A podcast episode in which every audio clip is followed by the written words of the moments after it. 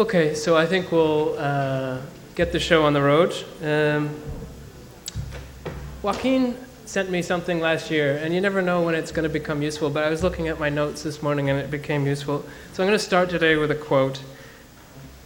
There's no elite or avant garde anywhere in the world, neither in science nor in the arts. The audience itself has become actor and audience en masse. Magazines have become something of a yellow submarine, a fantasy world, or the garbage apocalypse that resulted from the satellite environment. The end of the avant garde, the audience as actor, the rise of global communication, and the demise of magazines. This passage, of course, sounds like it could have been written yesterday.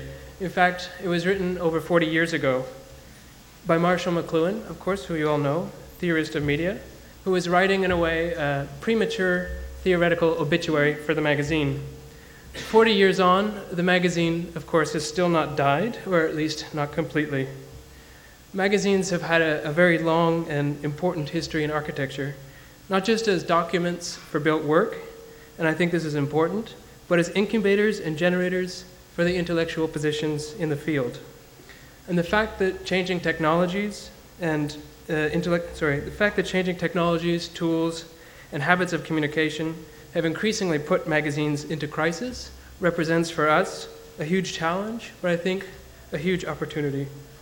So, in that sense, I think we're really lucky today to have Joseph Grima with us. He's been one of the key figures to uh, push the field to rethink how the existing spaces of intellectual production, in this case the magazine, will be transformed by the forces of communication today. Joseph Grima studied architecture at the Architectural Association in London, and since then he has played multiple roles in the field as editor, as curator, as writer, and as critic. And I think even this latitude of activity is itself a new mode of practice, which is very much worth taking into account today. He's the author of far too many articles to mention in a brief introduction like this, so I'll just note his most recent book, Shift, Sanaa and the New Museum, which came out with Lars Muller in 2008. From 2007 to 2010, he was, of course, director of the Storefront for Art and Architecture here in New York City, uh, a time in which he brought in precisely uh, new modes of communication, such as blogging, and brought them into the gallery as a, as a form of architectural practice. And I think that really changed the institution. As an independent curator, he's conceived and designed installations for institutions such as the Venice Biennial, the Shenzhen Hong Kong Triennial, the Architectural Association, and the Beijing Planning Hall. Currently, he is the director of the Istanbul Design Biennial, which will be opening in October, something I think we're all looking forward to. Since 2011, he's been the ch- editor in chief at Domus. Uh, I think he's really helped transform the magazine, not only editorially, but also in terms of new hybrid modes of practice between the existence of the venerable uh, printed magazine and generating new forms of online content and online interaction. So we couldn't have a better person to help us think about magazines today. Please help me welcome Joseph Grima.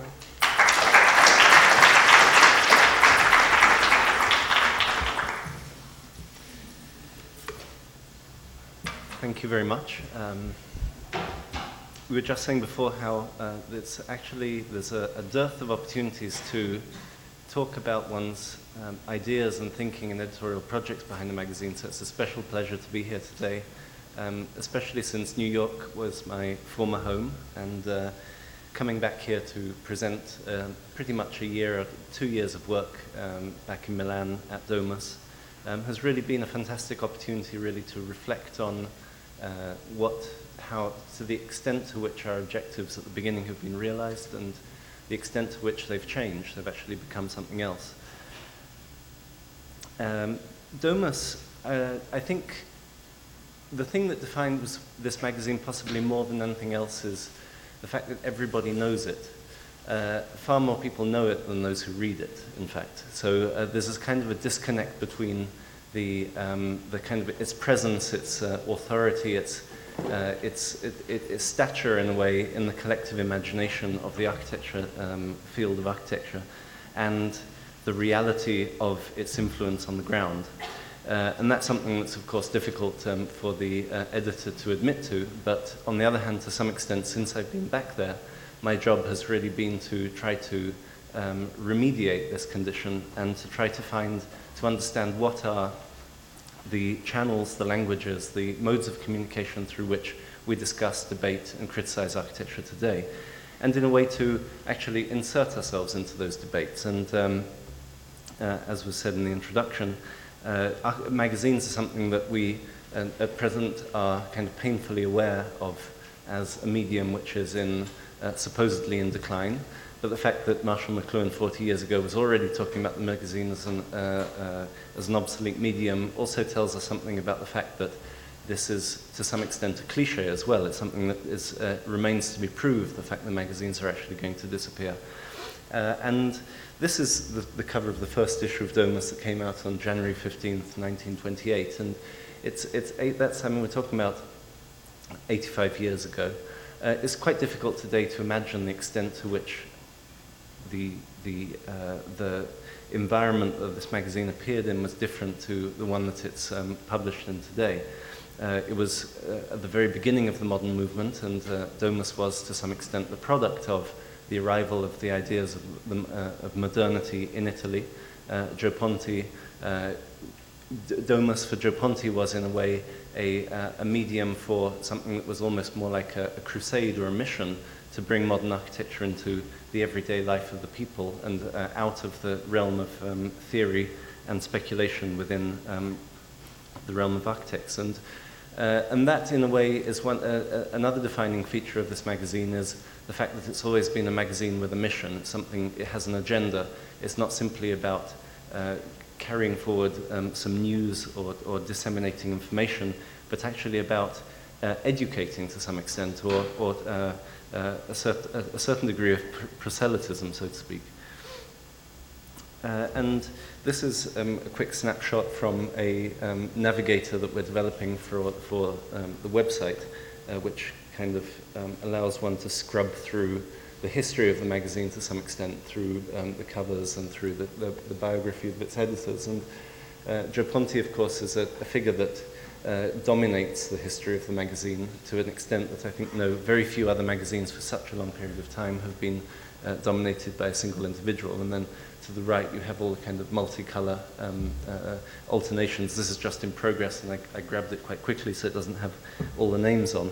Uh, but I think this is uh, one of the things that the, the magazine um, uh, that's interesting about the magazine is that it has multiple histories, a history of being the reflection of a single individual and then uh, changing dramatically and actually being a platform through which multiple individuals have uh, expressed their um, own ideas, have carried forward their own agendas uh, in a system that in many ways is more akin to that of a biennial. It's um, almost um, uh, seen as, in a way, an appointment for someone who has a very strong idea um, in, the, um, in, in, its field. At least it has been uh, historically from Mendini, who was the first to take over after Gio Ponti um, uh, passed away in uh, 1979 or 1980.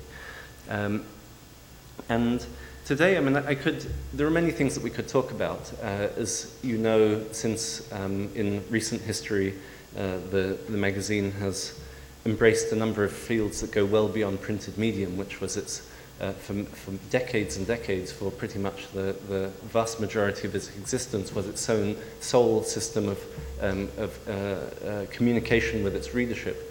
Uh, and of course, today we have a website, um, which has become um, one of possibly our main um, form of uh, debate and exchange with our readers. I, I hope that uh, all of you are readers of Domus Web.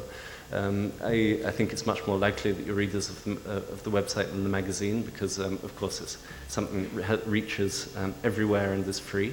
Uh, we also have, uh, we could talk about um, the uh, uh, multiple events that we organize. We actually organized one here in New York last year called Critical Futures, which was a debate on um, the, the uh, idea of arch architecture criticism today, its relevance and so on or about um, other digital platforms such as the iPad app uh, and so on.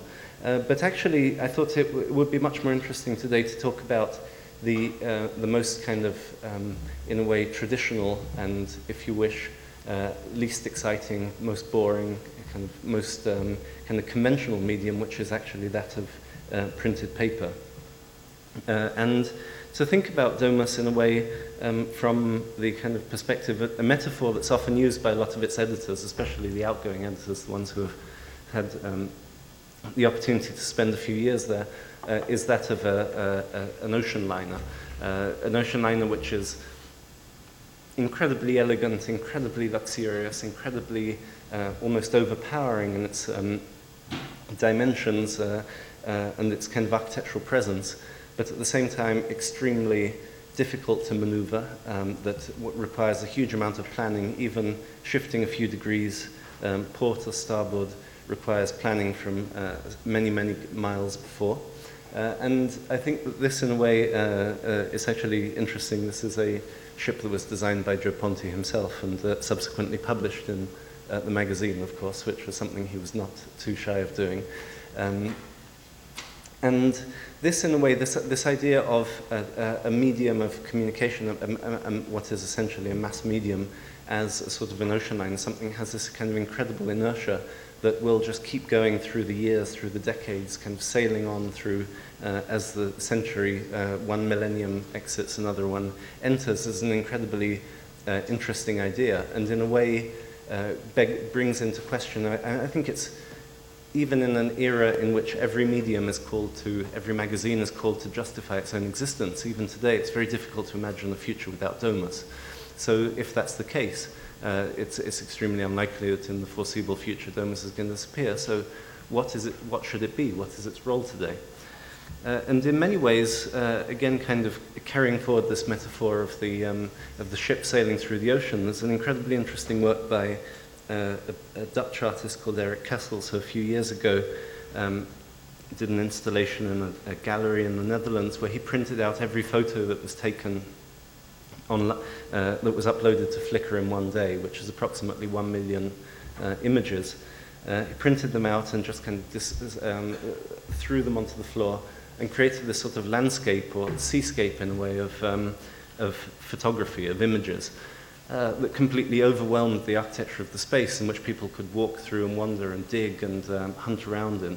And in a way, this is really the uh, the environment that uh, coming to Domus, coming as editor, um, I, I, actually previously worked at Domus um, for, before I came to here to New York to Storefront for three years when Stefano Boeri was the editor. Um, when I was straight out of architecture school, so that would, uh, I guess, 2003 to 2006 pretty much. And so even leaving to, uh, Domus in 2006, um, early 2007, returning in 2010, it was actually completely shocking how much the, the uh, context had changed uh, for this magazine. It was shocking to the extent to which internet had dramatically transformed the way that, uh, that architecture is not only uh, becomes familiar as uh, the, the, the uh, news and images and so on spread, but also the way in which it's debated. Uh, but most importantly, how the, the kind of the culture, our, our cultural attitude towards images had dramatically changed, had really dramatically shifted, and had become something that, to some extent, we really take for granted, something that we see almost as part of the landscape that surrounds us. And uh, I wanted to start by talking about this condition of uh, overwhelming um, iconographic surplus because it was really one of the first things that we, um, when we came to Domus um, uh, with my team, uh, in particular Salotto Buono and uh, Marco Ferrari, who is the art director, uh, we were kind of spent quite a bit of time looking at previous issues of the magazines, trying, of the magazine, trying to understand what it means to respond to this situation today. What a print magazine, which by definition is constrained by a certain set of rules, its, its size, its weight, uh, its, um, its dimensions, its proportions, the page count, the fact that it's in two languages, and so on, uh, what exactly is uh, the, the, what, what is the margin of latitude? What is the kind of room for maneuver within uh, this field, this two-dimensional field? And uh, we actually began by carrying out a study, kind of a slightly um, a pitiless study on some of the previous, uh, the work of the previous editors, not as a form of criticism, but almost like as a, as a graphical reading of the magazine as a, a, a as a, um, as a, plane, as um, uh, a field of operation, so to speak. Uh, and we began by eliminating one by one. Uh, we, we, we, we, identified three core um, uh, components of the magazine, one of which is text, a second of which is images, and the third being drawings. And one by one, we stripped these away from various uh, magazines, the first issues of various editors um, from the past.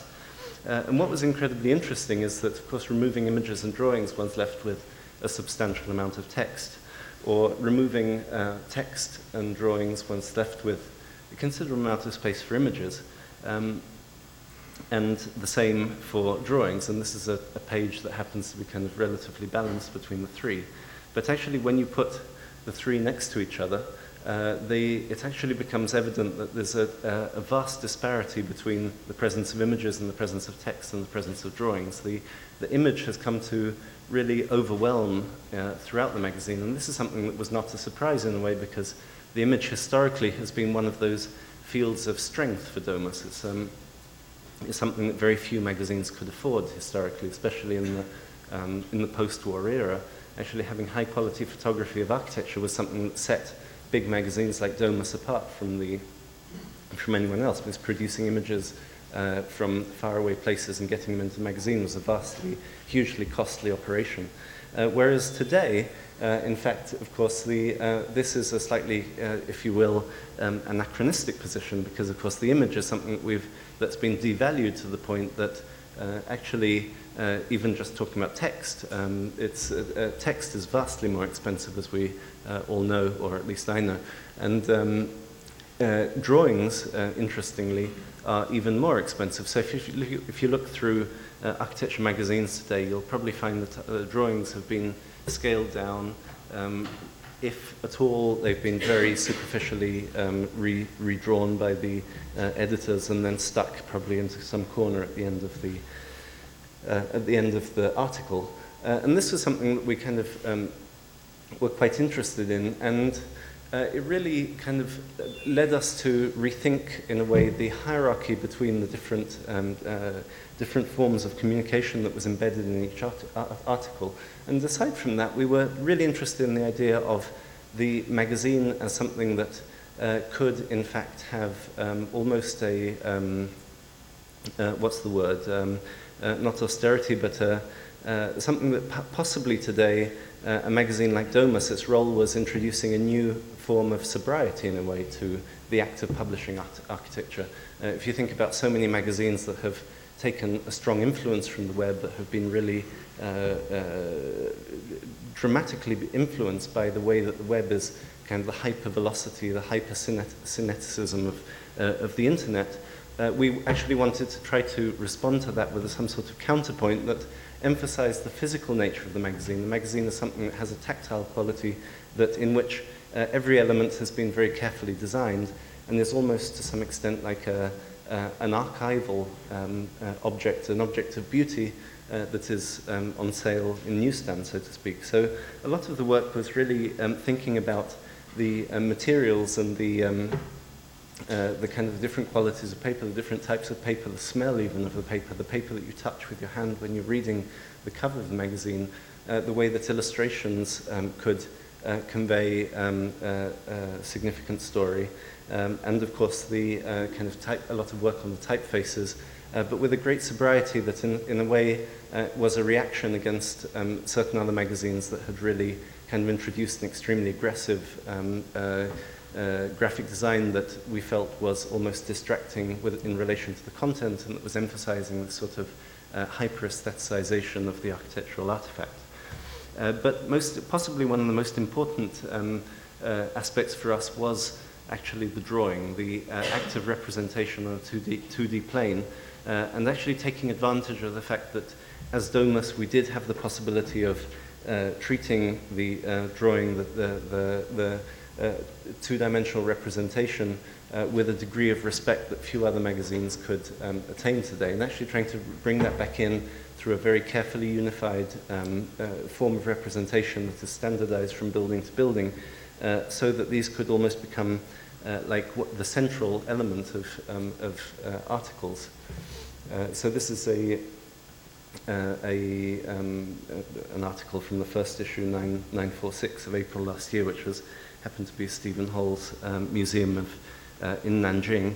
Uh, another element that we were quite interested in is the idea of representing buildings unfinished, not simply finished, perfect, um, uh, polished objects, but actually in the state of uh, uh, under construction. Uh, and looking at um, the process of kind of what's underneath the skin, kind of actually going beyond the, um, the kind of the final representation that we're also aware of, uh, looking very kind of carefully at um, the notes and the, the kind of codes uh, inside each um, uh, project, uh, and trying to really kind of uh, create an archive of um, uh, drawings that would uh, also be a tool to, for a deeper understanding, proper understanding of how the building is. Um, uh, is really put together.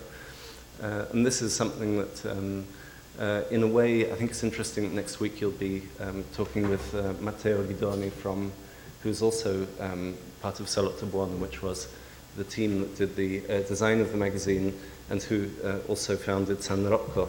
Uh, because in a way this goes hand in hand. I mean, San Rocco is a very theoretical magazine that's based on words more than images. But in a way this is a counterpoint to this kind of sobriety of understanding architecture as something that is actually not necessarily to be spectacularized, but that has a dignity of its own that can be uh, represented possibly um, only through a very careful um, uh, active uh, drawing. So um, yeah, this is kind of uh, a few months go by. Um, and uh, I was asked to speak about a um, specific issue or specific text, and of course it's always quite difficult to uh, pick one uh, when you kind of there's this sort of uh, ongoing, um, unstoppable production, uh, monthly production. And of course, I think that the magazine, to some extent, uh, it's up to the readers to, to define what uh, the agenda of the uh, editor is throughout the kind of whole spectrum of publications. But one that was uh, really um, a very important um, issue for me was uh, the July, um, sorry, June 2011 issue, uh, which came a couple of months after the 2011 Salone del Mobile in Milan. And one of the things that um, emerged in this Salone, and that we kind of began to notice um, throughout the field of design, or I'd been kind of very interested in even before, the, uh, uh, before coming to Domus, was the emergence of a completely, a com- completely new paradigm of um, production, both theoretical and uh, actually kind of um, practical industrial within the field of design. Design, of course, together with uh, architecture, one of the defining, another defining feature of Domus is that uh, of all the architecture magazines, it's the one with greatest latitude towards other disciplines. It's always been defined by this very kind of multi-dimensional, multidisciplinary approach, uh, which um, uh, interestingly is very similar to that of Storefront for Art and Architecture here in New York. So I really uh, felt very much at home in this um, idea of uh, a, a design magazine that is, uh, whose doors are open to um, the kind of the disciplines, adjacent disciplines rather than closed. Uh, design um, and art uh, are therefore um, something that we deal with uh, quite frequently within the magazine. And whereas with um, architecture we had tried to kind of bring uh, kind of a, a, a slightly less um, aestheticized understanding of contemporary production, uh, within the uh, realm of design, one of the phenomena we've both been most interested in is the resurgence of a, or a kind of a new um, emergence of uh, paradigms that in some way uh, actually bring into fruition some of the ideas that were uh, first proposed in the 1970s, such as uh, Enzo Mari's uh, Autoprogettazione series, uh, which was in a way a, uh, Enzo Mari um, is one of the great um, Italian masters of design um, and uh, one of the most politically engaged. And in 1974, he published a small volume, uh, a small pamphlet that, uh, that included a set of, I'd say, um, maybe a dozen or 15 blueprints for building one's own furniture using extremely elementary um, materials such as planks and nails and so on. Uh, and yet, giving these um, very humble, uh, self produced uh, uh, items of furniture some of the qualities of great design classics. Uh, and the series was called Autoprogettazione. And in a way, of course, uh, the, the kind of the, the, the cliche is it's the precursor of um, IKEA to some extent. And in fact, uh, Artek today produces a set that has all the kind of pre-cut um, elements of the um, Autoprogettazione chair. But in fact, what, uh, what um, uh, this project and certain other ones, such as the World Bottle by John Habraken, uh, which was a bottle that could, uh, designed for Heineken that could be used as a brick, a glass brick when it was um, empty. Uh, these projects were really exploring, and of course many, many others um, of those uh, in those same years, during the 50s, 60s, 70s, the idea of, uh, we're exploring the idea of how uh, industrial production could be merged with the um, idea of something that is an open design platform. Uh, and of course, this was completely um, uh, throughout much of the 80s and 90s, especially in Italy, especially in the kind of the Milanese design scene. It was a scene that was very much based on the empowerment of um, and the, the, pursuit of perfection through industrial production. The kind of the, all the, the great um, Castiglioni furniture, the Joe Colombo, the, all of these great masters of Italian design often sampled from everyday life, but ultimately were very much a kind of a, a, a proposed a notion of the uh, designer as a heroic figure, um, a, a, great master whose work was a closed system. Uh, and one of the things that uh, we've been really kind of trying to um, uh, uh, investigate on an ongoing basis is the emergence of a kind of a, a, revolution against this idea of design as a top-down discipline, uh, and actually look at the emergence of a series of proposals for designers and uh, the, the, role of the designer as someone who proposes an open platform, uh, a platform of communication between individuals uh, that uh, allows for collaboration as opposed to competition, uh, that has that resonates with um, an idea of kind of um, collective creation as opposed to kind of the, the glorification of the individual.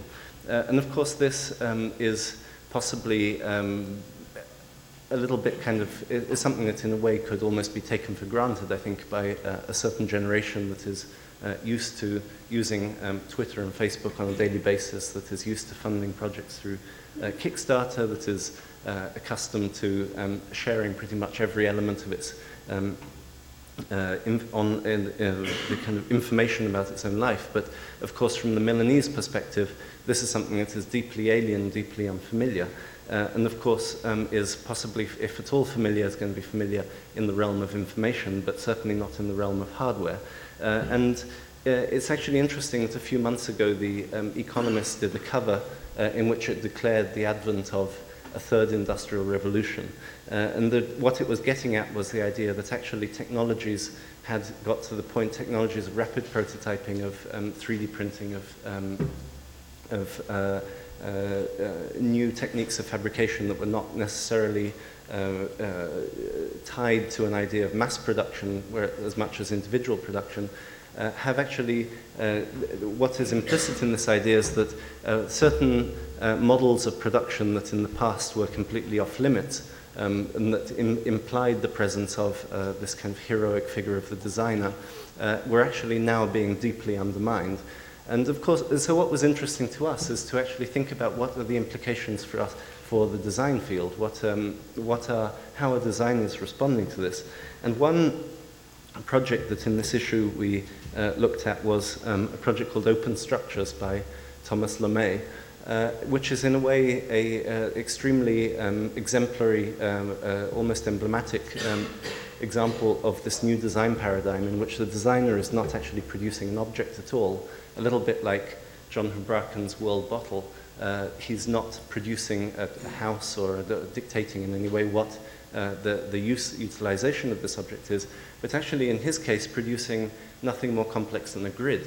Uh, this grid which is actually intended to allow individuals um, to produce uh, multiple elements uh, that can, um, each one can be um, um made out of different materials, can serve diff completely different purposes, but collectively can be held together by a, a certain standardization of um, proportions, dimensions, a, an idea of compatibility, almost like a, a sort of a, uh, how can I say, um, uh, uh, Esperanto for objects in a way, so that objects would be um, uh, able to communicate with each other.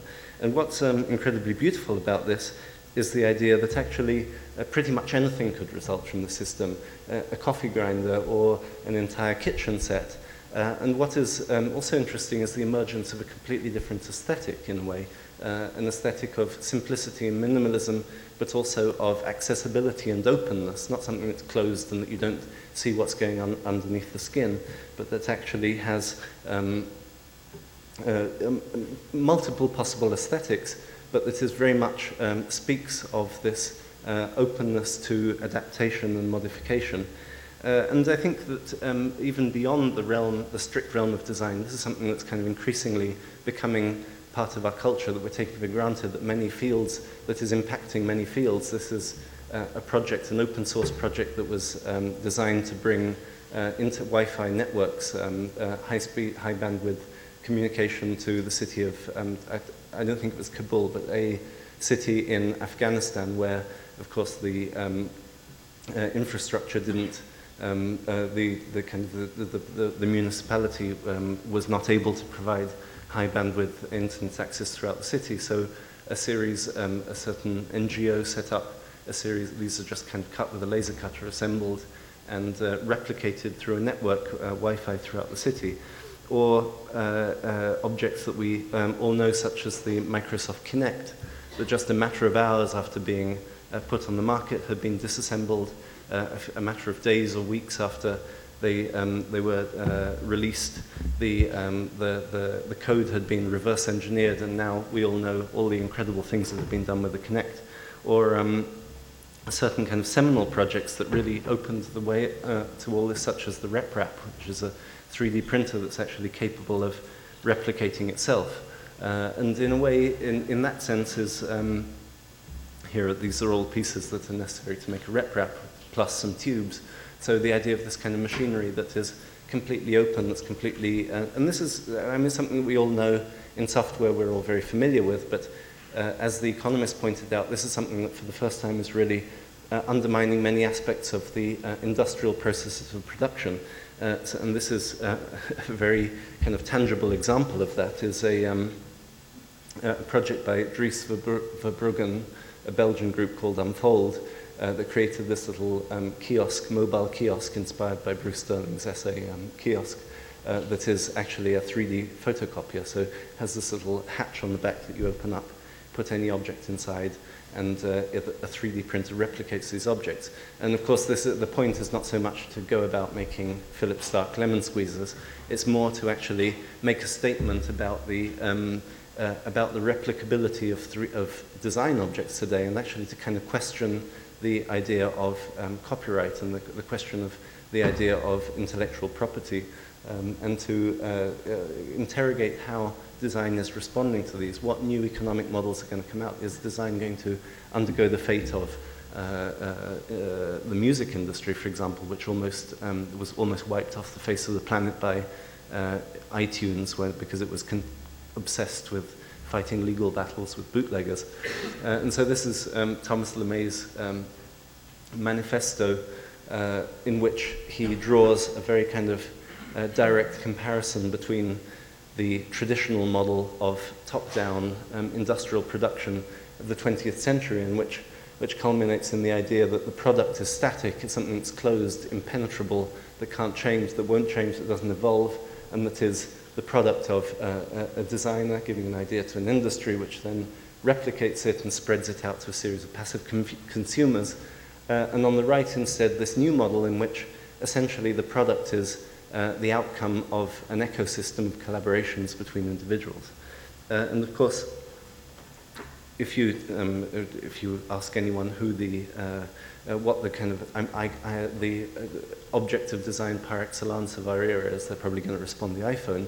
and they'll probably be referring to the kind of the glass finish, the metal, the kind of millimetric precision of its design, its simplicity, and so on. But actually, possibly what's most revolutionary about the iPhone uh, and leaving aside a lot of the kind of extremely problematic aspects of um, Apple. I'm not kind of, this isn't a, a kind of plugging Apple in any way, but what's interesting and what is possibly what defined the success of this project is that actually the iPhone is the open system par excellence. Uh, as I said, it's not in fact totally open, but uh, so to speak, just kind of um, uh, pass me that one for a second. Uh, because it's um, it's a uh, it's it, it's in fact it's not a telephone. It's a it's, a, it's, a, it's a processor that's hooked up to a camera, an accelerometer, a magnetometer, um, a high-resolution screen, all sorts of other sensors uh, that can actually be adapted to pretty much any use. You probably saw the YouTube video of the two Canadian teenagers who strapped an iPhone onto a um, helium uh, weather balloon and sent it up into uh, pretty much into outer space until the balloon um, burst. The iPhone, had, with a parachute, fell back down to Earth. They were able to trace it through the GPS tracker, and a couple of hours later, the, uh, this video of what was essentially a homemade space exploration was online, and they were uh, two weeks later invited to TED. So it's, a, it's this, um, uh, and then, uh, so this is the kind of going back to the um, issue of Domus, uh, kind of looking at this um, system of that we in Milan, in a way, uh, this is a, a, a, this sort of uh, heroic understanding of the design profession is something that is very kind of present and tangible in Milan. Uh, and uh, uh, so this issue kind of investigated that in, in many ways. And I don't know if you noticed the, the, the thing about the cover. It's, it's actually this um, Cassina confiscated a number of fake Mies and Corb um, furniture that was, I think it was confiscated somewhere in the Netherlands, and then um, submitted it to this sort of ritual uh, capital punishment, um, uh, which was photographed, carefully documented, and then sent out with a completely straight face as a press release. So we actually received this in the mail, and my, I, my jaw dropped. I just couldn't believe that they were sending about images like this. And, uh, and they were completely serious, like this is what happens to counterfeiters of furniture. In a way, this is a sort of uh, so emblematic of this kind of idea that just simply by destroying counterfeits, the problem is going to go away. That's a, the problem is of course, uh, much deeper, and this sort of kind of Howard Roark attitude of, uh, you know, the, the first writer is the writer of the ego that underlies so many, um, the, the, our understanding of uh, uh design uh, across so many disciplines today is something that is, whether we like it or not, being questioned, and we're called to uh, question. So just to wrap this up, the, um, uh, of course, the editorial is a sig particularly significant. Um, we, we had to kind of find a way to really kind of take this problem head on. And um, I was, uh, I, I, spoke to Carlo Ratti, um, who uh, he's the director the Senseable City Lab at MIT and has been dealing with issues of open source and um, copyright and intellectual property and so on for many years in relation to design.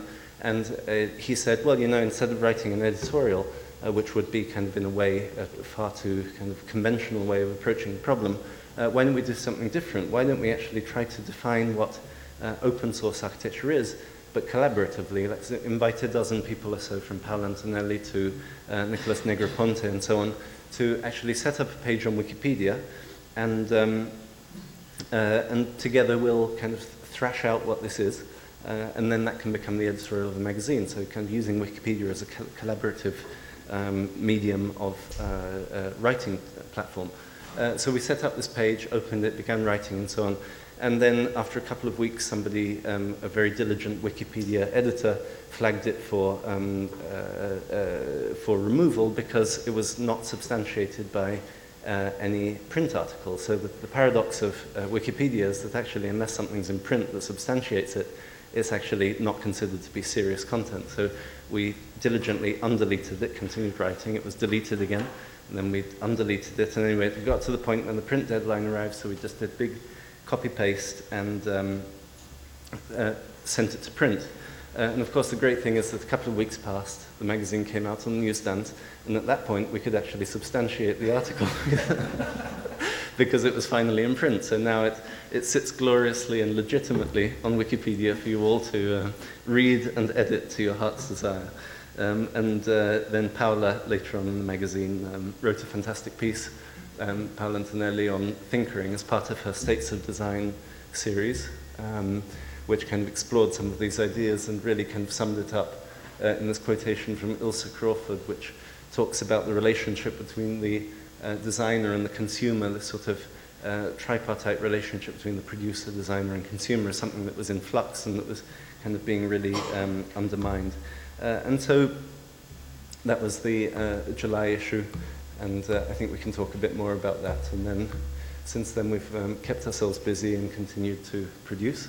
Um, but I, one th- last thing I wanted to add um, in relation to Domus is that for sure um, the, the website is our most powerful medium of um, uh, communication and debate with our readers. It's something that's growing incredibly um, rapidly, thankfully. Uh, and I think we've, we've found, and that's something we could um, debate separately, that we found a formula that, to some extent, within the, uh, cons- with the uh, constraints of what is possible, reflects this idea of uh, depth and thoroughness of the magazine that has this kind of glorious 85 year history on the web. Uh, but one of the things that whenever we're sending something to print, uh, I think one of the things that really um, sets Domus apart, or not, not from every magazine, but from many magazines, is the idea that you're actually in the process of producing an archive, um, a, a narration, an ongoing narration of the history of modernity up until this day. And uh, in fact, there's a library close to my house in Milan which uh, has every issue of Domus. And of course, Domus has every issue of Domus, but they're locked away in an archive somewhere. And this library is one of the few that has all of them, and they're actually on display. And it always completely overwhelms me when I walk in, the sheer kind of linear uh, length of all of the magazines stacked back to back is, some, is close to 80 meters long. I mean, like 100 yards of magazines.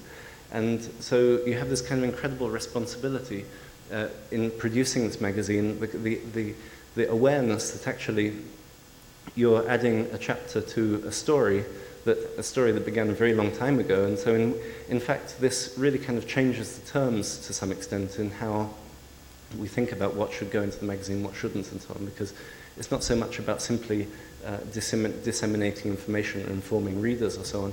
It's actually about kind of building up uh, this sort of uh, ongoing narration of uh, the discipline of design, uh, which actually didn't really um, exist um, before this magazine did. And, and that's something that I, I always find um, incredibly interesting. How, and that's something that I think very few other media, the internet, for example, will never succeed in replicating. And I think that in that sense, a sort of beautiful ongoing story is something that only a print magazine can encapsulate.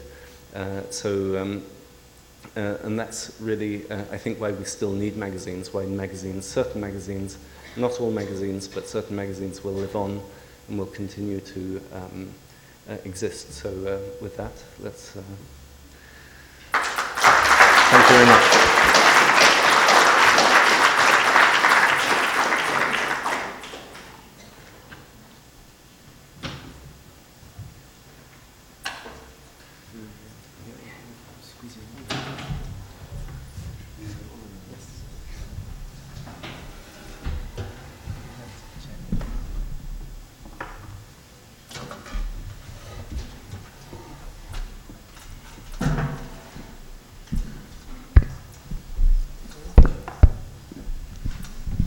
That was great. Thank you. I mean, we uh, invited you thinking that we were going to hear about the more digital side of things, and you did this incredible switch, which was to talk about print, which I really appreciate, of course.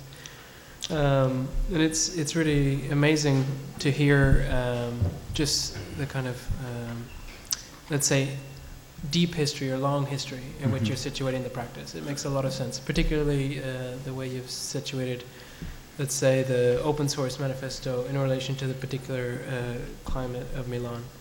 Um, and so I guess my first question would sort of start with that. I mean, on the one hand, uh, with an open source philosophy, let's say, um, you have a mode of production that does not necessarily have uh, a central figure or, uh, let's say, an editor.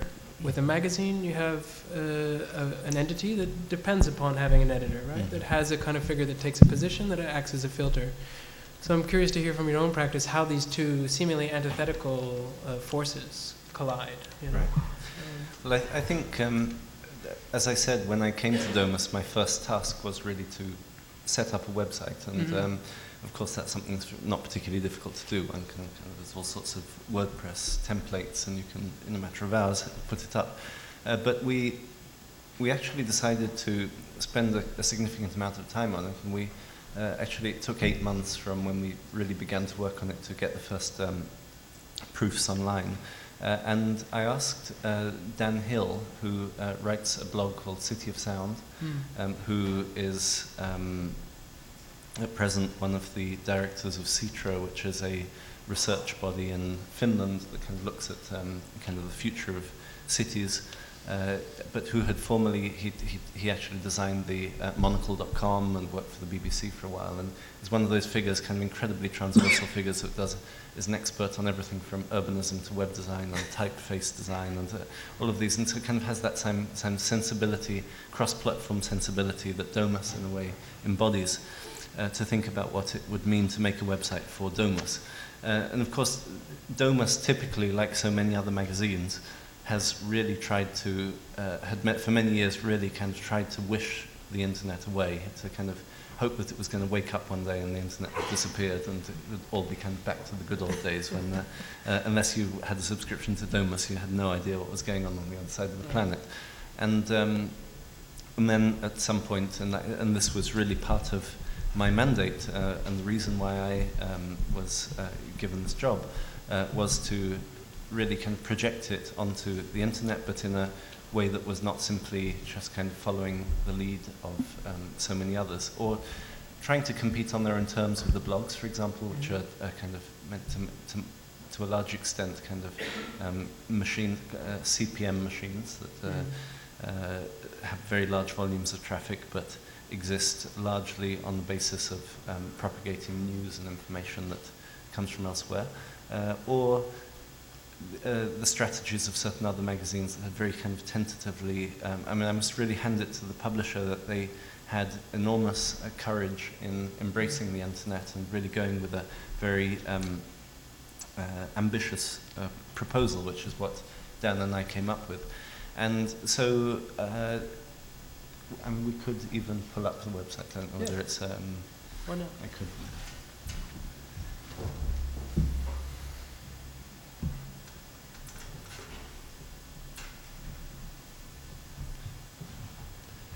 Uh, yeah, we can get the. Um,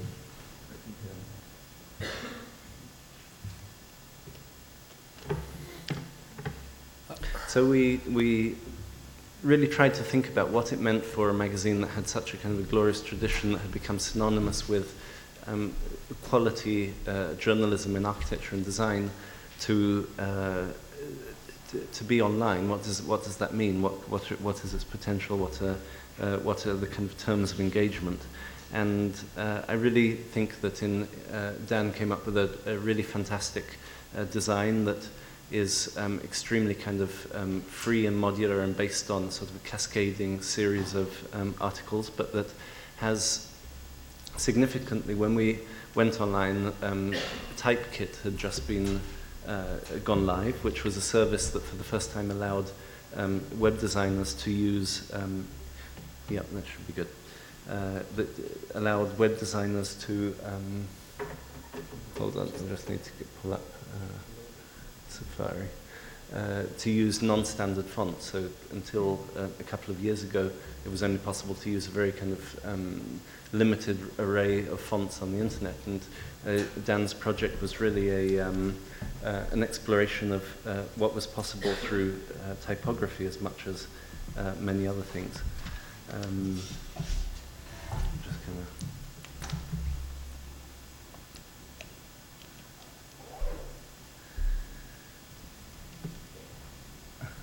Let's see what's going on on Domus Web today.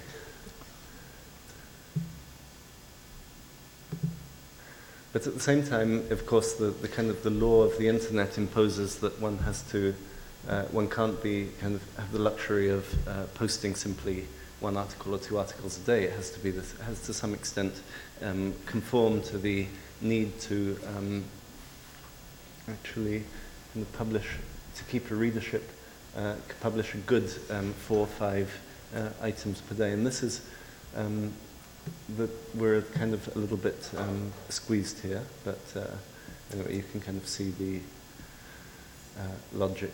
Let me see if I can get. And that's, that's pretty much. It's designed for a broader. It's not really doesn't work really very well on projectors, but so if you look at um, uh, this article, we have um, the Herzog de Meuron in London, and so on. And, and the, I mean, the great thing about the web is, of course, we can, we can publish as much as we like. We're not constrained by the magazine that has uh, a dozen, 15 articles. Uh, but you can see how there's a lot of work has gone into making a very kind of serious, um, uh, well-designed um, typefaces, uh, a kind of very um, carefully uh, coded set of um, uh, tools on the right-hand side, all the kind of keywords and hyperlinks and so on, social media and so on. Very large images, uh, which is of course something that we as a magazine have access to uh, uh, on a um, regular basis. Uh, and so the, the, uh, this is really kind of to some extent um, really trying to, and then uh, kind of commenting and so on.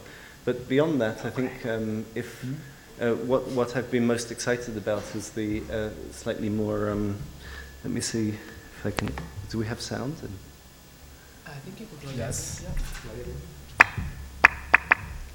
like we can, uh, these are some of the kind of slightly more experimental uh, projects that we've worked on, uh, such as the mixtape series, which was really trying to use uh, things, that, uh, media that were not possible to use with a, uh, a magazine alone, a print magazine. Uh, look at, for example, how uh, sound could be one of the kind of um, mediums that we use to talk about um, cities. So this is a series we call the Domus Mixtape series that visited um, various cities from Rio de Janeiro to um, Beijing. Since we're in North Manhattan, I think we could uh, take a look at the Sound of Harlem, which was done by, uh, and these are collaborations between a DJ who, uh, or a musician from a particular uh, city and a writer. So the idea was always to kind of try and find a, um, uh, a way of a dialogue between literary production and sound uh, production. Um, and if, and it was a series curated by um, Daniel Perlin. I'll just. Uh,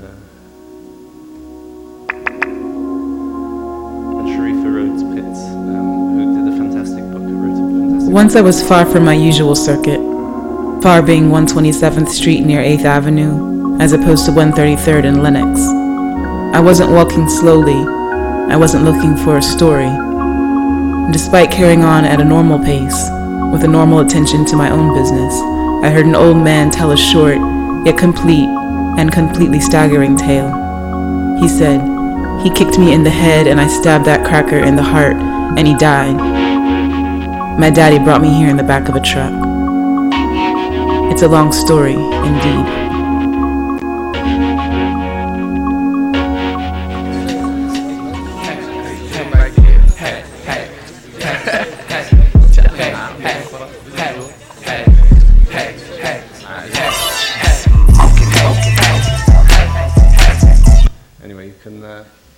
Download it by clicking here and enjoy it later on. It's uh, very relevant to your um, uh, place of uh, present abode. So, uh, and it's a really fantastic mixtape, and we had um, um, people. It really captivated the uh, imaginations of many people.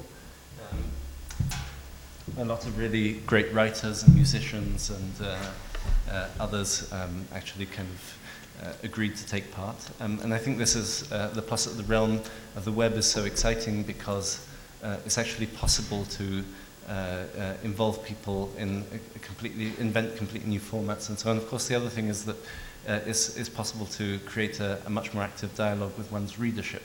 Um, so the point I was trying, I was, I wanted to get to is that I think that print magazines, as I said before today, have um, their role and their um, existence is um, uh, in many cases justified.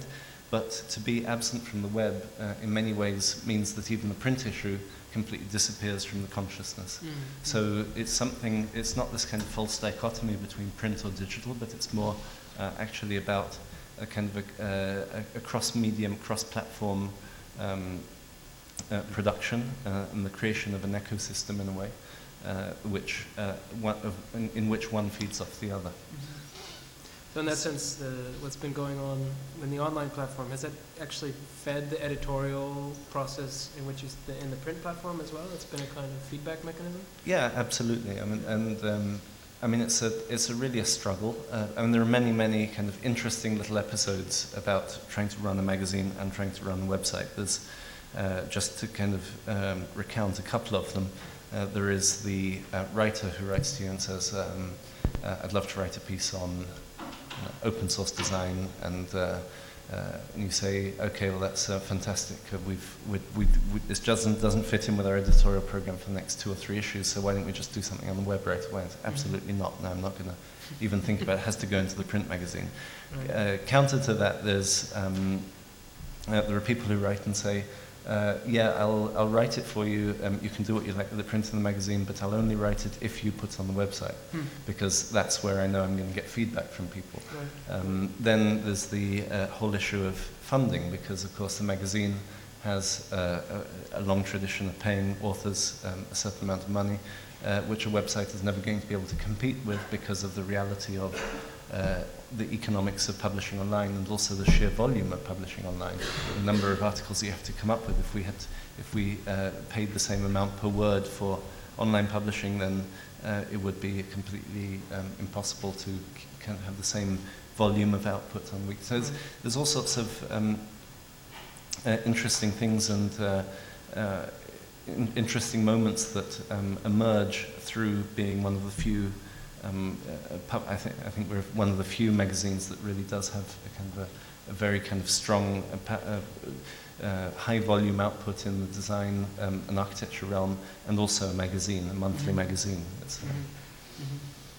Yes, just just building a bit on that, no, because. Um, uh, that uh, that uh, McLuhan piece that Craig was talking about is actually published in a magazine called Print. Mm. Yeah? Called Magazines After McLuhan. You know? right. And McLuhan writes Understanding Magazines as a Scene already in 1970. With a fantastic joke that was, of course, when uh, media become obsolete, they actually are freed and they can be artworks. Mm. They become a completely different field. You know? mm. Which is, and we were just trying, actually, debating in class this particular, how this inertia actually is not simply dealt uh, with a cross-platform, but with a, a cross-platform that needs to have movement in both directions.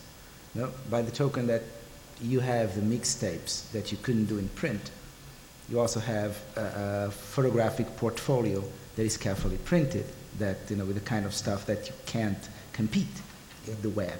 No, I thought that that, that was the kind of uh, curious inertia going around that you find a way of, you know, just having the audience going back and forth from you know, Absolutely. I, mean, I, th- I, think that's the thing that magazines more and more are um, called to diversify through uh, multiple platforms, um, even going so far as uh, the kind of the realm of events um, and uh, also kind of um, multiple. Um, and Frieze is a fantastic example, which is mm-hmm. an art magazine that also organises art fairs and that has um, you know, kind of uh, a publishing program in books as well, and uh, very strong online presence, and uh, and I think that's more and more the like being tied to the idea of a specific sort of format or medium is extremely dangerous today.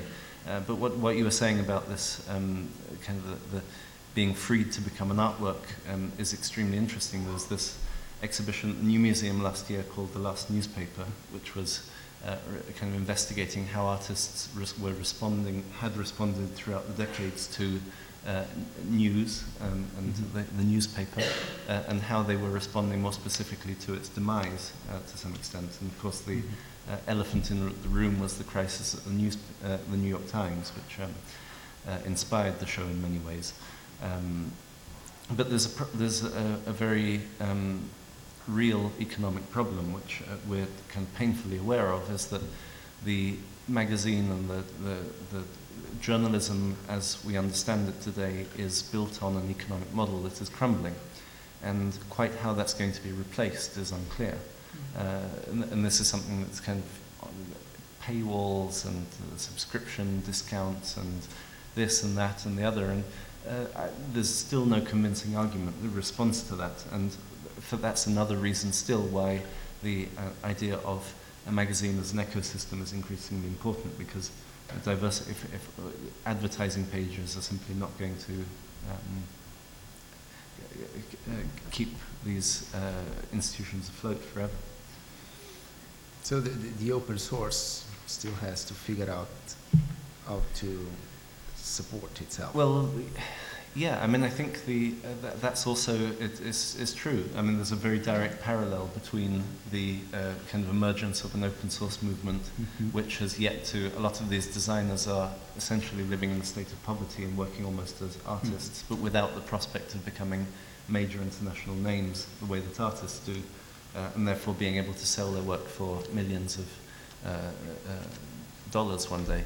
Um, and in the kind of in the realm of hardware that hasn't yet been figured out. I, I think there's, you're right, there's a very interesting parallel there in, in terms of kind of news and information and writing, and on the other hand, the, um, uh, the kind of the, the, the c- current struggles of the design industry.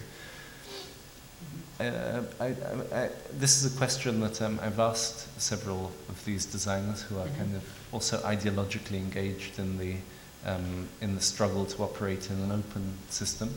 And uh, some of them simply say that actually making money from selling objects a little bit the way, if you look at the music industry, selling MP3s, nobody makes money from selling MP3s, let alone CDs or vinyl. Uh, but actually, it's the live act that is, so that the music is, whether it's sold or bootlegged or whatever, has become almost like an ad, advert for the live act. Mhm. And to some extent, I think some of these designers are, um, are doing a, a similar operation in the Mm. sense that they're getting um, uh, increasingly um, invited to take part in events, um, exhibitions, um, uh, teaching roles, uh, speaking roles, and so on, Mhm. uh, which is something that, of course, the blog, um, many, many people use blogs in a similar way to actually of become well known on an international stage Yeah. Through by outputting uh, content for free. Mhm. So, so performance is becoming a simple way of, you know, surviving, basically, no, making ends meet, no, which is, of course, I mean, I, mean, I think A it, great it's actually conversion. making um, it's more than potentially more than that. I mean, it's Yeah. really making career Mhm. uh, out of um, performance and developing ideas. And these are all. I mean, I, I think also on the one hand you have people like Thomas Lommée and so on who are really kind of pushing the the uh, extreme, the, the really the most experimental end of the spectrum, um, and then kind of making a living by teaching and uh, you know gallery exhibitions and so on. But then, if you actually think about the hardware industry, um, uh, and then Massimo Banzi, for example, who co-designed the Arduino chip that has basically changed the world to some extent. I mean, that's that's an example of hardware that is completely open source, and of course, anybody can make an Arduino chip. It's not. Um, but they've um, set up a company that's doing that, and then Chris Anderson has set up a company that uses Arduino chips to make uh, quadri um, rotor uh, drones and so on. So there's kind of all of these industries that are, to some extent, um, cascading from the uh, open source movement. So I think it's a moment of transition. It's not something that is necessarily. I think there's there's definitely careers to be made. It's just that actually designing that career is as much as, uh, a challenge as designing the object itself. Great. Let's open it up to the audience here. I'm sure there'll be lots of questions. the first is always the most difficult. Yes. One here. Um, I wanted to um, ask about your curatorial process. So, what, um, how do you decide what's relevant today, and how do you remain relevant to architects? I- I- are you speaking about any specific, like for the magazine or um, for the for the magazine content, for example. magazine content? Um, I mean, it's it's in, it's an interesting question. It goes back a little bit to what I was saying before. On one hand, there's uh, you know there's just such an incredible deluge and overload of um, projects that are either proposed to us or that we find on a monthly basis that um, if we're uh, accustomed as we are to reading blogs and websites and so on, where we can easily con- consume on a daily basis the equivalent of a whole edition of Domus, like making that very difficult choice of what goes into the magazine is um, it's really tricky. Uh, and uh, I mean, on the one hand, it's um, like obviously the objective is to make a, a good issue, um, an interesting issue of the magazine that has kind of um, resonances between the articles that uh, is a ple- pleasing reading experience. So it's a little bit like cooking in a way, where one has to not simply take fantastic ingredients and just slap them together. There's an issue of proportions and narrative and uh, uh, aftertaste left in your mouth, so to speak. Um, but, the, but then in the, in the specific case of Domus, it's also um, about kind of creating a much, adding to a much larger narrative, and I think that's why the open source issue, um, for example, really stays in my um, memory is one of those that really kind of continues this tradition of Domus of telling a story and kind of um, narrating the epical changes that have, uh, throughout a century of history, taken place within the field of design. Um, and so, therefore, kind of identifying, also kind of intuitively, I must say, uh, what are the projects that are going to be kind of significant for some reason or another, not simply whether they're pretty or not, but actually um, what, whether they resonate with a larger picture. Uh, and I think that, um, again, to take the uh, open source um, design issue, it was not so much the single projects, um, but it was how they all resonated together across a variety of scales um, that told something about a way that a, a cultural condition, really. And so I think ultimately it's, it's really about those projects that are less an end in themselves, but are more kind of um, offer key insights into who we are uh, ourselves as, as people, as a culture, as a society, and so on. Um, so mag- architecture and design, in a way, are actually more a, a mirror that we, the magazine, in a way, is a, attempts to be a mirror that we can hold up to ourselves to actually understand what the role of uh, how design shapes us and how we shape design in return.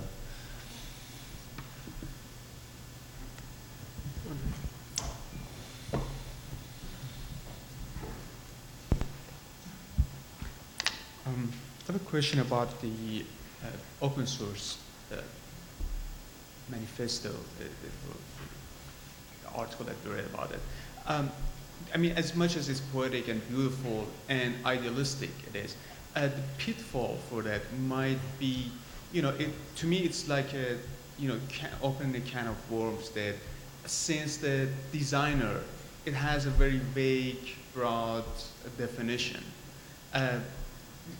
Uh, I'm, I have a, I, I'm having a hard time and uh, thinking about, okay, if everyone can contribute to the process of design, uh, how much good is that, that product do for the sake of design versus uh, as much as it's good for production series and production side of um, architecture. Um, yeah, I mean, I think it's, a, it's an interesting point. The idea um, that the underlying idea here, I think, is that we are convinced that today everybody is a designer. Like one of the cu- fundamental cultural, um, uh, the, one of the premises is that uh, whether we like it or not, our, our, culture today has actually transformed each of us into um, an individual with creative agency. Uh, and that's something that on a, on a daily basis, even simply selecting the apps that go on our iPhone, we transform that iPhone into something else. And That's an extremely elementary um, example, but nevertheless, that is something that permeates our culture is that we, um, we aspire to, we, we crave creative agency and um, systems that open. So the latest thing uh, I was reading in The Economist on the way over here, um, uh, that actually the latest thing is, uh, I can't remember what country it was, um, I think in Peru, there was a, uh, a, a, some app with a pig involved that had uh, actually knocked Angry Birds off the number one position of the most popular game in Peru for a period of three or four months. And the interesting thing about this pig game, which I can't remember the name of, uh, is that it was actually made through another app. The, there's an app that's uh, for making DIY games, and the, this guy made the game with the app, published as an app, and it became crazy popular. Uh, and I think that that's, that, and so apparently that's the ne- next big thing in apps, is apps that are for making other apps. Um, and th- this, is, this is really incredibly interesting. I think that uh, Kickstarter, in a way, um, is really kind of um, encapsulates a lot of the issues that you're um, pointing at in the sense that uh, Kickstarter pretty much allows anybody to get their idea out into the open and potentially get it funded. The result of that is um, some amazing, fantastic ideas that probably would never have got, with people who just don't have the CV or whatever, who'd never have got industrialized, put into industrial production prior to Kickstarter. on the other hand, it means that some pretty atrocious stuff is getting put made and uh, putting out, and, and so it, it, kind of it's one of the problems with democracy. You know, it's um, it kind of has this populist um, uh, element to it, which um, uh, is uh, unalienable. And but I, I, I think that the, the thing is that we as designers can't are not our role is not to make value, value judgments necessarily about uh, and this is where it's so interesting to think back to some of the projects of the 60s and 70s and the kind of um, ideas of Yona Friedman, for example, and so on, where uh, it was really, or non-plan, for example, this um, Cedric Price and um, uh, uh the others who uh, really advocated um, a very kind of non-judgmental attitude towards design, uh, design as something open rather than closed um, not uh, that, that does not necessarily regulated by um, disciplinary imposition imposed um, notions. You know, I, I, I, think that that is something that is becoming kind of absorbed into as a given into our culture, and I think that's something that's incredibly interesting for the designer. But at the same time, it's, it, it is unquestionably problematic um, and it can potentially lead to also kind of an increased disconnect between different kind of um, uh, social strata, for example, just to name one of many problems, the kind of access to good design as opposed to uh, very sort of kind of um, slapdash uh, variety. Uh, yeah, as we know, the Domus is in the process of transforming uh, from the focusing on the most influential uh, notions to a much more open platform for different ideas. So do you think that uh, the pre previous uh, criteria, criteria of selecting, I mean, to select the most influential uh, staff, uh, design designers, and and the works to present in the magazine, do you think such kind of selecting is gone, or it also transformed into another form? I think the definition of what is most influential has changed. Um, that's that's the point that. Um, one, uh, until very few years ago, um, it was given that the most influential was the kind of the big name architect who had been practicing for a long time, set up a studio, and that kind of um, uh, articulated this um, uh, star st status of stardom. Um, and actually now what is most influential is probably, and I think this is less the case in architecture, which has a kind of very long sort of cycle of um, uh, realization and so on. But certainly in design, what is what what counts as most influential is um, actually uh, changing dramatically. Um, and so I think that for, for that reason, I mean, especially in Italy, where there's a very specific, very precise understanding of what most influential means, um, that has my, my kind of uh, definition of most influential has surprised a lot of people and uh, probably uh, upset them a little bit as well. Um, but at the same time, I think it's also sparked a dialogue even within the kind of the Milanese scene. Within the, the we, we did an exhibition in the last Salone del Mobile, furniture fair in April a few months, a couple of months ago, called uh, "The Future in the Making," and we. Um, took over this incredibly beautiful 17th century palazzo in the cent- in Brera, in the central district of Milan, um, with Tiepolo frescoed ceilings and so on, and stuck a, a, bunch of kids with 3D printers and uh, a robot printing out chairs and so on, uh, and as kind of trying to kind of force the point that um, this three, third industrial revolution is on us, and either we're going to wake up or it's going to uh, it's just going to overwhelm us, and that in fact uh, what is one of the things that really kind of terrifies the industry today is in fact an incredible opportunity. Um, and uh, it was it was amazing. It was really um, uh, we we had some fantastic responses, some fantastic feedback. A lot of kind of what would have been considered the most influential designers uh, actually came and with, uh, it began a, began a debate. And um, I think that's part of the role of the magazine is also to uh, instigate debate, to, uh, to upset in a way um, the status quo, uh, not simply to attempt to reaffirm it. I just follow up on that. I mean, I think it kind of goes back to the first question, which I'll try to re-ask again in a different way. Uh, going back to the narrative about Ponti. So when Ponti starts Domus, for instance, he has uh, a kind of crusade, as you said, right, to affirm, uh, even to sort of bring into being a certain idea of modernism in Italy, uh, to carry it in. And with the open source position that you've outlined, I mean, is it at the point where you could say that you could define a position on architecture through open source, or is it a position on affirming a particular process without yet being able to define a position on architecture? I mean, is there a kind of position that you could could lay out? Yeah, I mean, I think it's um, architecture is the one that I think the whole of the design um, industry, the whole the design community is struggling with because, Mm. in a way, it's um, it's kind of been this holy grail for ever since the um, post-war years of. Um, I mean, if you think about Team 10 and the, the sort of this splinter group that breaks away from CIAM, uh, that much of the, um, the, the kind of the, the debate and the, um, uh, the, the confrontation is actually centered on precisely these themes of the, the kind of the um, excessive um, authoritarian projection, pro- projection of Yeah. the architect onto the landscape and onto the urban realm uh, and onto the lives of individuals. And so then, of course, the kind of um, Giancarlo De Carlo statement uh, that architecture is too important to be left to architects, uh, which is, of course, an incredibly um, in, uh, succinct um, uh, summing up of the idea that uh, not that architects shouldn't be involved in architecture, of course they should, but it can't be left to architects alone, uh, and therefore that architecture needs to be a sort of a, a, a field of debate. But then you think about, um, uh, and of course the Smithsons and all the others, um, uh, Team 10 and so on, who kind of um, uh, various declinations of this idea. But then you think about De Carlo's own um, experiences and the, um, the steelworks um, uh, residential units in Terni and how catastrophic those were in a way. Uh, and even though they were the uh, kind of emblem of, I mean, they, they weren't catastrophic, they were much worse examples than that, but they were nevertheless not exactly something to be kind of held up as a, uh, some sort of um, new um, paradigm that's to be replicated throughout the world.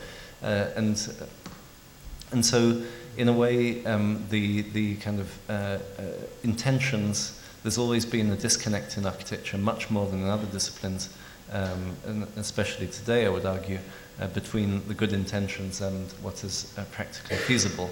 Uh, and I think that ultimately, um, to a large extent, what it comes down to is that uh, we're, we're continually dreaming of a future in which cities are going to look dramatically different, in which buildings will look dramatically different, in which some sort of open source aesthetic will emerge. Uh, but in fact, of course, the reality is that 100 years from now, the cities are going to look pretty similar to how they do today, just as 100 years ago, Manhattan didn't actually look that different from the way it did today.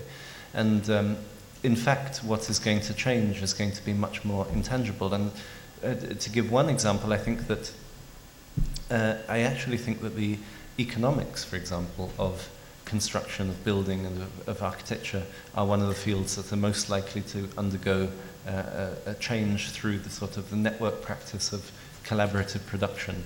Um, the impact of the network on, um, uh, on the city is, um, and just as Kickstarter has dramatically transformed how a lot of uh, cultural artifacts are produced from films to objects and so on. Uh, I think there's huge scope there, and that's something already that's being explored in Spain and uh, in Berlin. In fact, there are some really interesting experiments on that, because in fact, if you think of the, um, the urban landscape, the urban fabric, as a sort of a script, as a sort of a transcript of uh, the economic forces that regulate it, that have generated it. Uh, of course, today, the, the, uh, the, the, from the, the trajectory from the post-war era until the post-war years until today has been a progressive marginalization of the architect and increasing dominance of the developer. Uh, and that's something that is actually finally, hopefully, potentially, possibly, God willing, uh, uh, possibly something that could be uh, uh, territory that could be reconquered um, through more sort of collaborative practices. But it's not, I was just kind of uh, thinking, you know, of the architecture from the city, to, from the spoon to the city. Mhm. Most of the radical promises of the 70s were just jumping, erasing architecture, you know, taking just the spoon and the city. You know, Mhm. and everything in between, you know, just, just, just noise, Mhm. you know, which is actually happening. Yeah. Mhm. Because, of course, uh, there is a, a, direct relation with the physical and mediated environment that applies more efficiently at the scale of objects. Mm. And that really transforms the way we live in cities. So it really transforms the cities. You know? But architecture falls in this sort of intermediate, weird scale. You know, that probably, you know, we might solve the developer, or we might just, you know, erase it and take it as, you know, just a, a sort of a, a frame, a structure where we start hanging, you know, objects, ideas, practices, performances. You know, that is a strange. Uh, Absolutely. No, I, I, think it would be fantastic. And I, mean, I think there are some really interesting examples on the urban scale already. Uh, for example, in Finland, there's this um, event that, very interesting story, at, uh, a few, I think a year or two ago, um, a guy, um, if, my, if I get the story right, and it's probably kind of slightly different, the essence, the gist of it is that uh, a guy wanted to set up an ice cream van, um, and in a little um, Citroen van uh, that was a kind of retro 60s, whatever, uh, wanted to transform this into a roving ice cream van that for th- through the duration of the summer could kind of move around Helsinki and sell ice cream. So he started uh, to do this. Obviously, he needed a permit, so he started filling out the forms, and then they kind of sent him from one office to the other office. Apparently, there's no, this is not something that's contemplated. The, the, the possibility of an ice cream van in Helsinki or something I don't know, it doesn't exist. Bureaucratic anomaly. Anyway, so they kind of sent him a here and there forms that pile up, and then they say, okay, well, this is going to take us six months to evaluate. So, in desperation, he um, says, okay, well, I'm going to do this anyway. Uh, but if I do it, they're just going to shut me down in a matter of hours. So, what I'm going to do is I'm going to set up a Facebook page in which I actually invite everybody to sell whatever they have to sell, whether it's kind of barbecued sausages or gazpacho soup or lemonade or whatever, from their window, from the barbecue in the park. Just set up a stand on the ta- on the sidewalk and so on, and it's going to happen on this day, and I want everybody to do it. And uh, the page just kind of instantly became a phenomenon, and uh, it kind of transformed into this sort of uh, Scandinavian Arab Spring uh, equivalent, where uh, on this day the, the whole of the city, the public space, it, it, uh, the good fortune was it was a sunny day, and it, uh, it completely took over the city for this day. And of course, all of this is uh, kind of technically speaking completely illegal because you can't sell food on the street to passers-by. That's just not something you're allowed to do. And, um, and it became actually an institution which is now happening three times a year and it's called Ravintolapaiva and uh, people kind of incredibly ingenious, like lowering baskets out of their windows with croissants in them. And, uh, and it's this sort of celebration of collectivity uh, and of actually reappropriation of public space. Uh, and I think that these are the kind of the ephemeral models um, that have incredible potential. And I think a lot of the things that uh, the three years that I was here at Storefront, when we did projects like the Ring Dome and um, Petrosino Park outside Storefront uh, with Min Suk Cho, or the Space Buster with the Raumlabor guys, uh, which is this, again, a little van with an inflatable bubble on the back that could pop up in the space of an hour under a flyover or uh, under an uh, overpass of a highway or in some disused space and transform it into an architectural space, an event space. Uh, I think those are the, these kind of extremely lightweight, uh, ephemeral um, architectural typologies are possibly the ones that are going to um, actually articulate these ideas most effectively.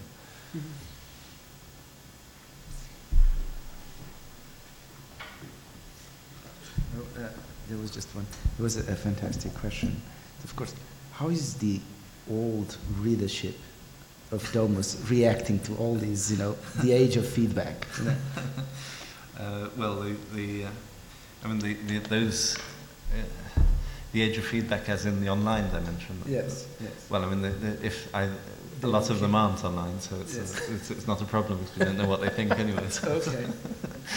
but uh, now and then they do get comments, but, uh, yeah. I mean, the, the, the thing is to t- attempt to kind of roll over to a different generation and to kind of replace the mystified um, readers with engaged readers. Um, yeah, hi. Uh, back to the fact that Domus exists both uh, digitally and in printed version. Uh, I suppose that the website initially started as a complementary component of the of the magazine, but uh, being so interactive and being able to host different uh, mediums such as the mixtapes or uh, the videos or stuff like that, uh, I, I think that it has evolved into a very dynamic uh, feature. And I'm wondering where the ba- where's the balance between the two, and how do you imagine the future of the printed version? I mean, it's a very good question because the kind of the wealth and the richness, richness and the, the sheer volume of what we do online is can risk kind of wiping out the uh, magazine and just kind of overshadowing it. But I mean, I ultimately, I think they're very different things. Um, and as I was saying before, I think that if you, if you have a magazine, um, you know, kind of nowadays you have to have a website. I think that's something we can kind of take for granted. Um, if you don't have a website, then the, the magazine is kind of um, going to disappear anyway. Um, and if you do have a, a website, you have a platform for communicating with your readers. Um, the magazine is a very, I mean, ultimately, it's we're, we're very much aware, especially outside of Italy, it's a luxury item. It's expensive. It has um, a certain kind of uh, weightiness to it um, in every sense, economic and uh, physical, and so on. Uh, but it, Domus is one of those magazines that I think um, has a value as a, uh, a kind of a high quality reading experience and uh, simply the, the pleasure of actually um, touching these pages and the, the, the, sort of the attention that's put into every detail of it is something that um, certain readers appreciate, um, even, uh, even though I think, um, of course, there's a di- generational disconnect to some extent, but um, I think that that's, um, that's changing. Uh, and on top of that, it's something that, of course, has a value as a sort of a, um, obviously it's not peer reviewed, but it's almost kind of an official journal of the discipline. So many architecture practices, for example, have been subscribing for 20, 30, 40 years. Many libraries have it as a sort of a record of sorts.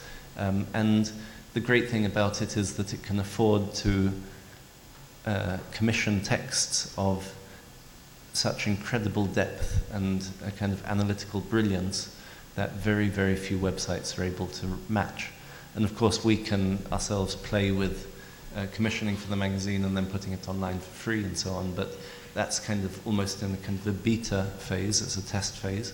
Uh, and the internet in general and us specifically have to really kind of figure out the economics of this and how we're going to. The magazine is not forever going to be able to subsidize free content on the internet, so how are we going to deal with that? Uh, and that's something that we're really um, kind of thinking about now as well.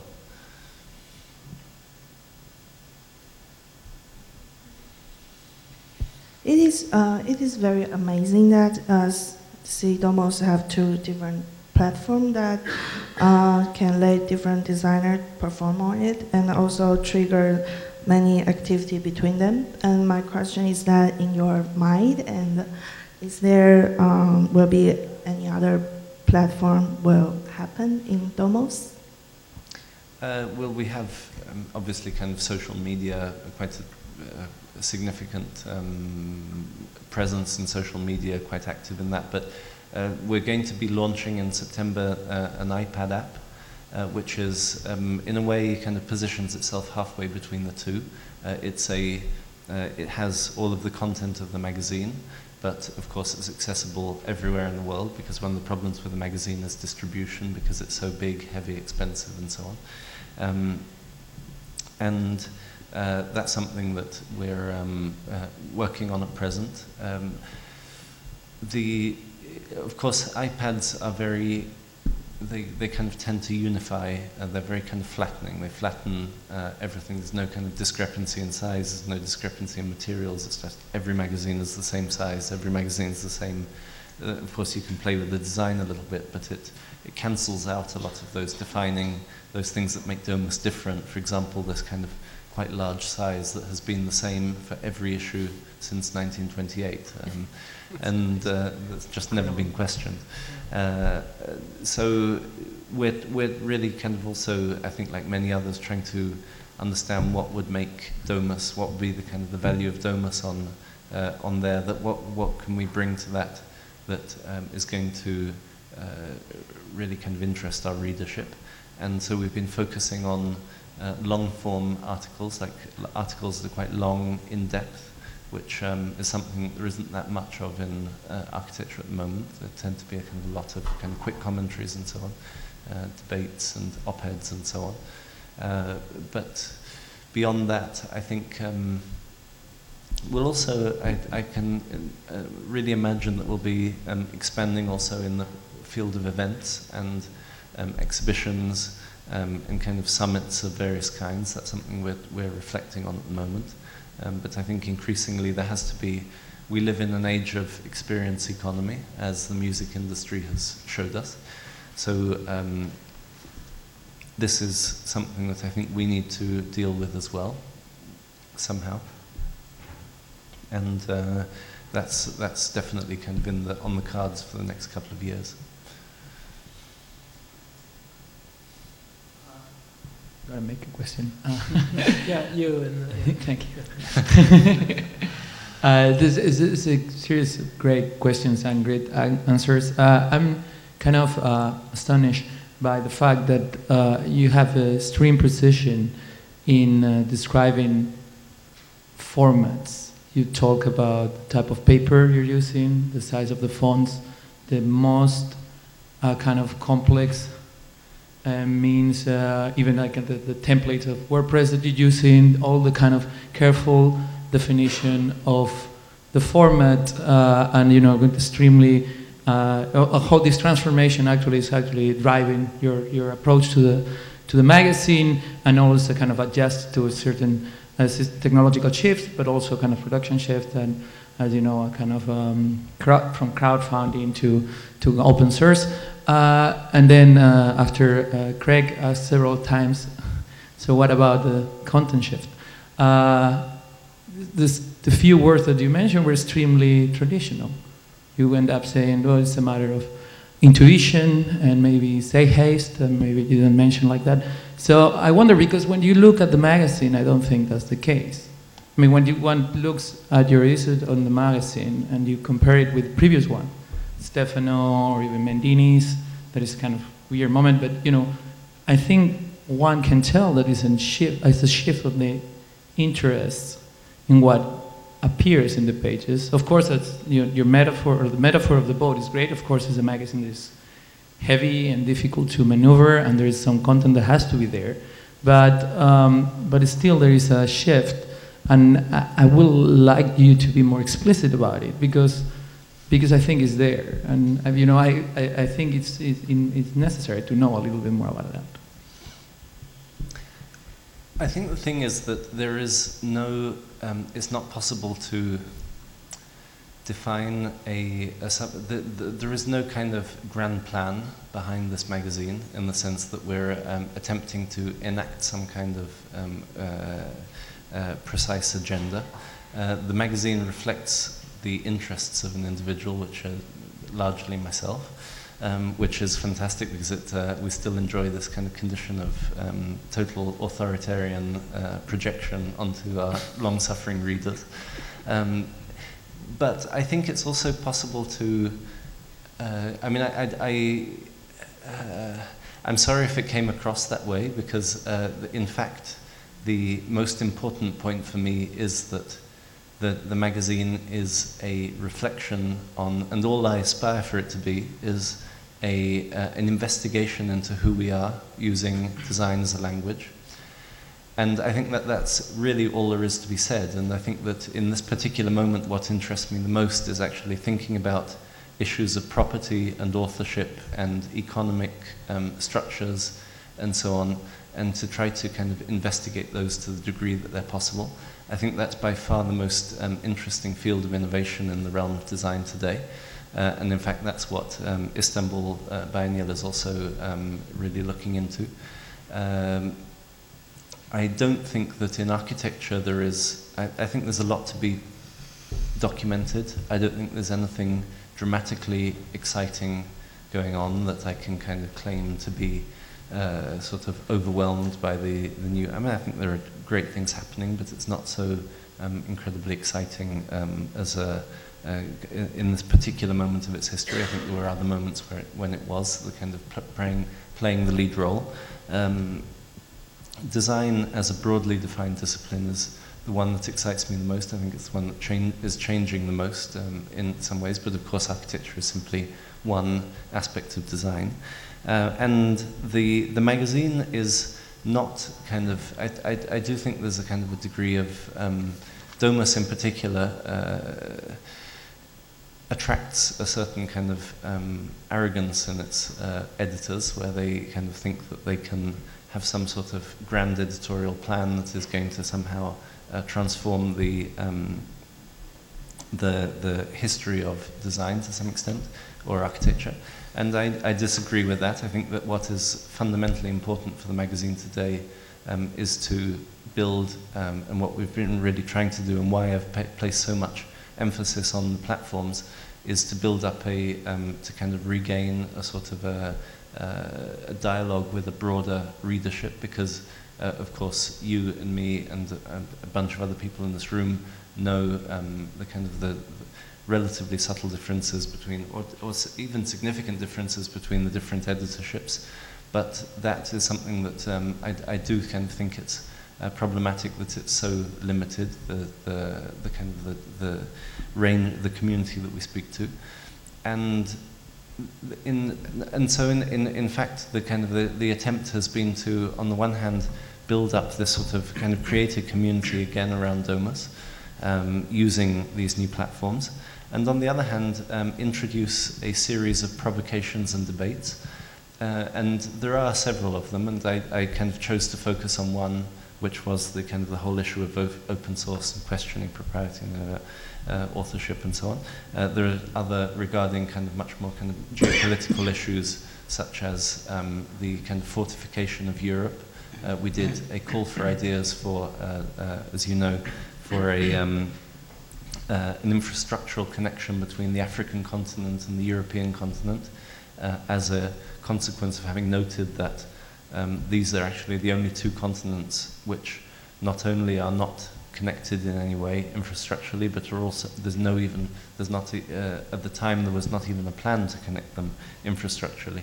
So there, I mean, we, we, we've taken a series of, I mean, I think Domus has a history also of kind of ideological engagement, and that's something that we um, have attempted to kind of carry forward, uh, but without kind of turning it into something that's a little too rhetorical, because I, I think it has, uh, it, kind of attracts a certain sort of um, rhetorical indulgence, which I find unfortunate. Uh, and I, I uh, also I think it's my kind of British upbringing that kind of um, tends to uh, uh, suppress the, the or I, I, I would like to think that it suppresses the kind of projection of individual too strongly.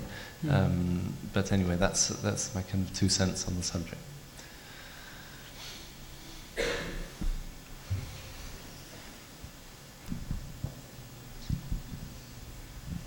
Hello. Um, I'm, I'm really interested into the, like, in the geopolitical aspect of the magazine, and especially uh, about the fact that you do have different issues in different countries. So, and uh, I'm wondering, like, first, those all the issues are created in Milan, and also, is, I'm sure, like, uh, they must be interpreted really differently from one country to another, and also from one language to another one. So.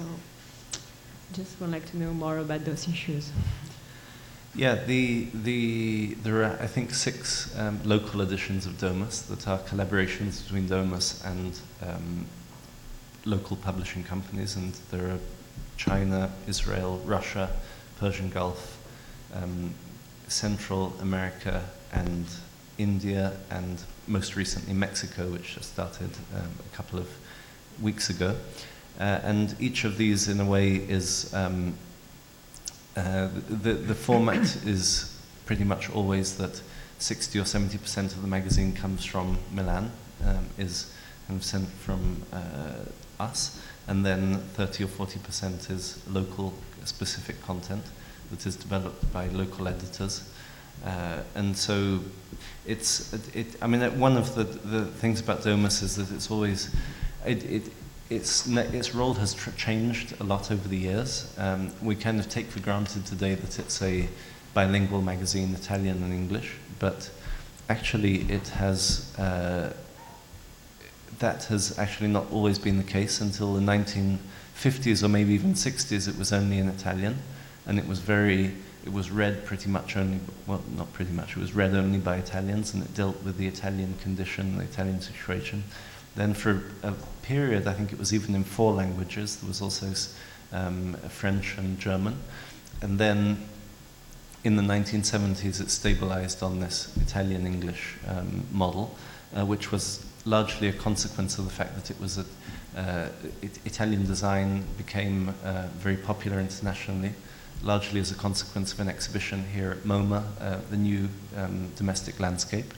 Uh, and so Domus became, in a way, the uh, portavoce, the mouthpiece of the Italian design industry and um, design community. And uh, and so therefore it was tied very much to this boom, uh, this kind of period of excellence in um, production. Uh, but since then, of course, um, and especially since this kind of idea of rotating editors and international editors um, took place, it's became one of the most international design magazines that doesn't deal with any specific condition. Um, there are um, a few others, of course, but it's uh, it, it, really kind of deals with, it's become almost a, a, product of the era of global architecture, um, or has adapted to that. So the magazine that we edit is actually not specific to any, we don't publish particularly more Italian architecture than anything else. In fact, I think in the last year we've published a lot more Spanish architecture than Italian architecture. Um, which tells you a lot about the situation of contemporary uh, architecture in Italy. Uh, but the, um, it's, the, and that, that's, uh, that's actually kind of an interesting um, thing for me is the idea that we're producing, we're almost like a, a kind of a central repository that's then being kind of sampled. And it's always really interesting to see what the different local editions select, uh, what they pick to publish in their own um, uh, local um, areas. And I mean, I, I, think there's obviously certain problems with this, that you're kind of, uh, it's about as far as you could get from Kenneth Frampton's critical regionalism. It's like literally the, the uh, opposite of this. It's like a, to some extent propagating a very kind of global uh, ageographical view of architecture. Um, but that is actually a reality of contemporary practice. Um, in the first issue of the magazine, we did this, we drew a map where uh, it happened to coincide with the publication of um, an essay by Beatriz Colomina on uh, about Le Corbusier as the first global architect of the jet age, who, uh, for him, the, the arrival of the jetliner, the, air, the, the uh, jet aircraft, really transformed his practice because he began practicing uh, all over the world. Uh, so we actually reconstructed all of his trips in a given year, um, which I think was 1956, and compared them to the travels of the other architects who were published in the same issue. And it was um, really interesting to note that, in fact, the model that he was that he pioneered in the 1950s uh, was um, has been kind of become normal practice. It's completely normal for any architect today to be publishing, to be um, building in maybe two or three continents. Uh, and in in a sense, Domus has. Uh, is a product of that um, transformation in architectural practice today. Uh, and so, and also through this kind of global network of magazines, um, uh, has really reflects that. I think more than any other um, architecture publication.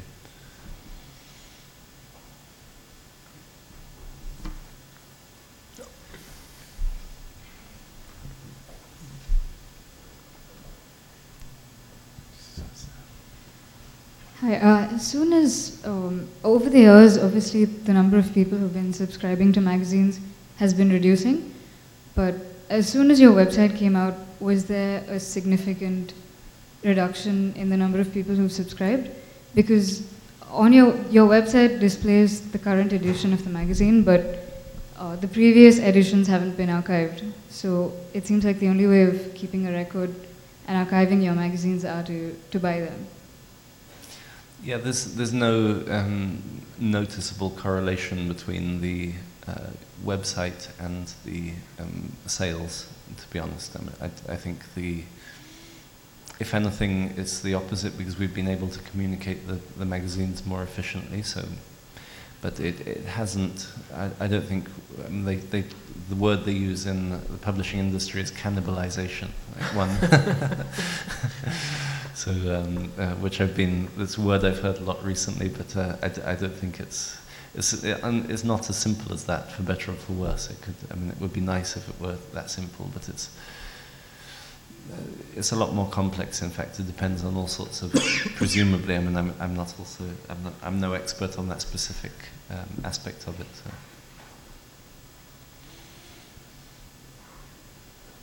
Well, um, I think we could go on and on all uh, evening, but uh, in the interest of uh, getting us all to the next destination, I will uh, just ask you all to help me thank uh, Joseph for your talk today.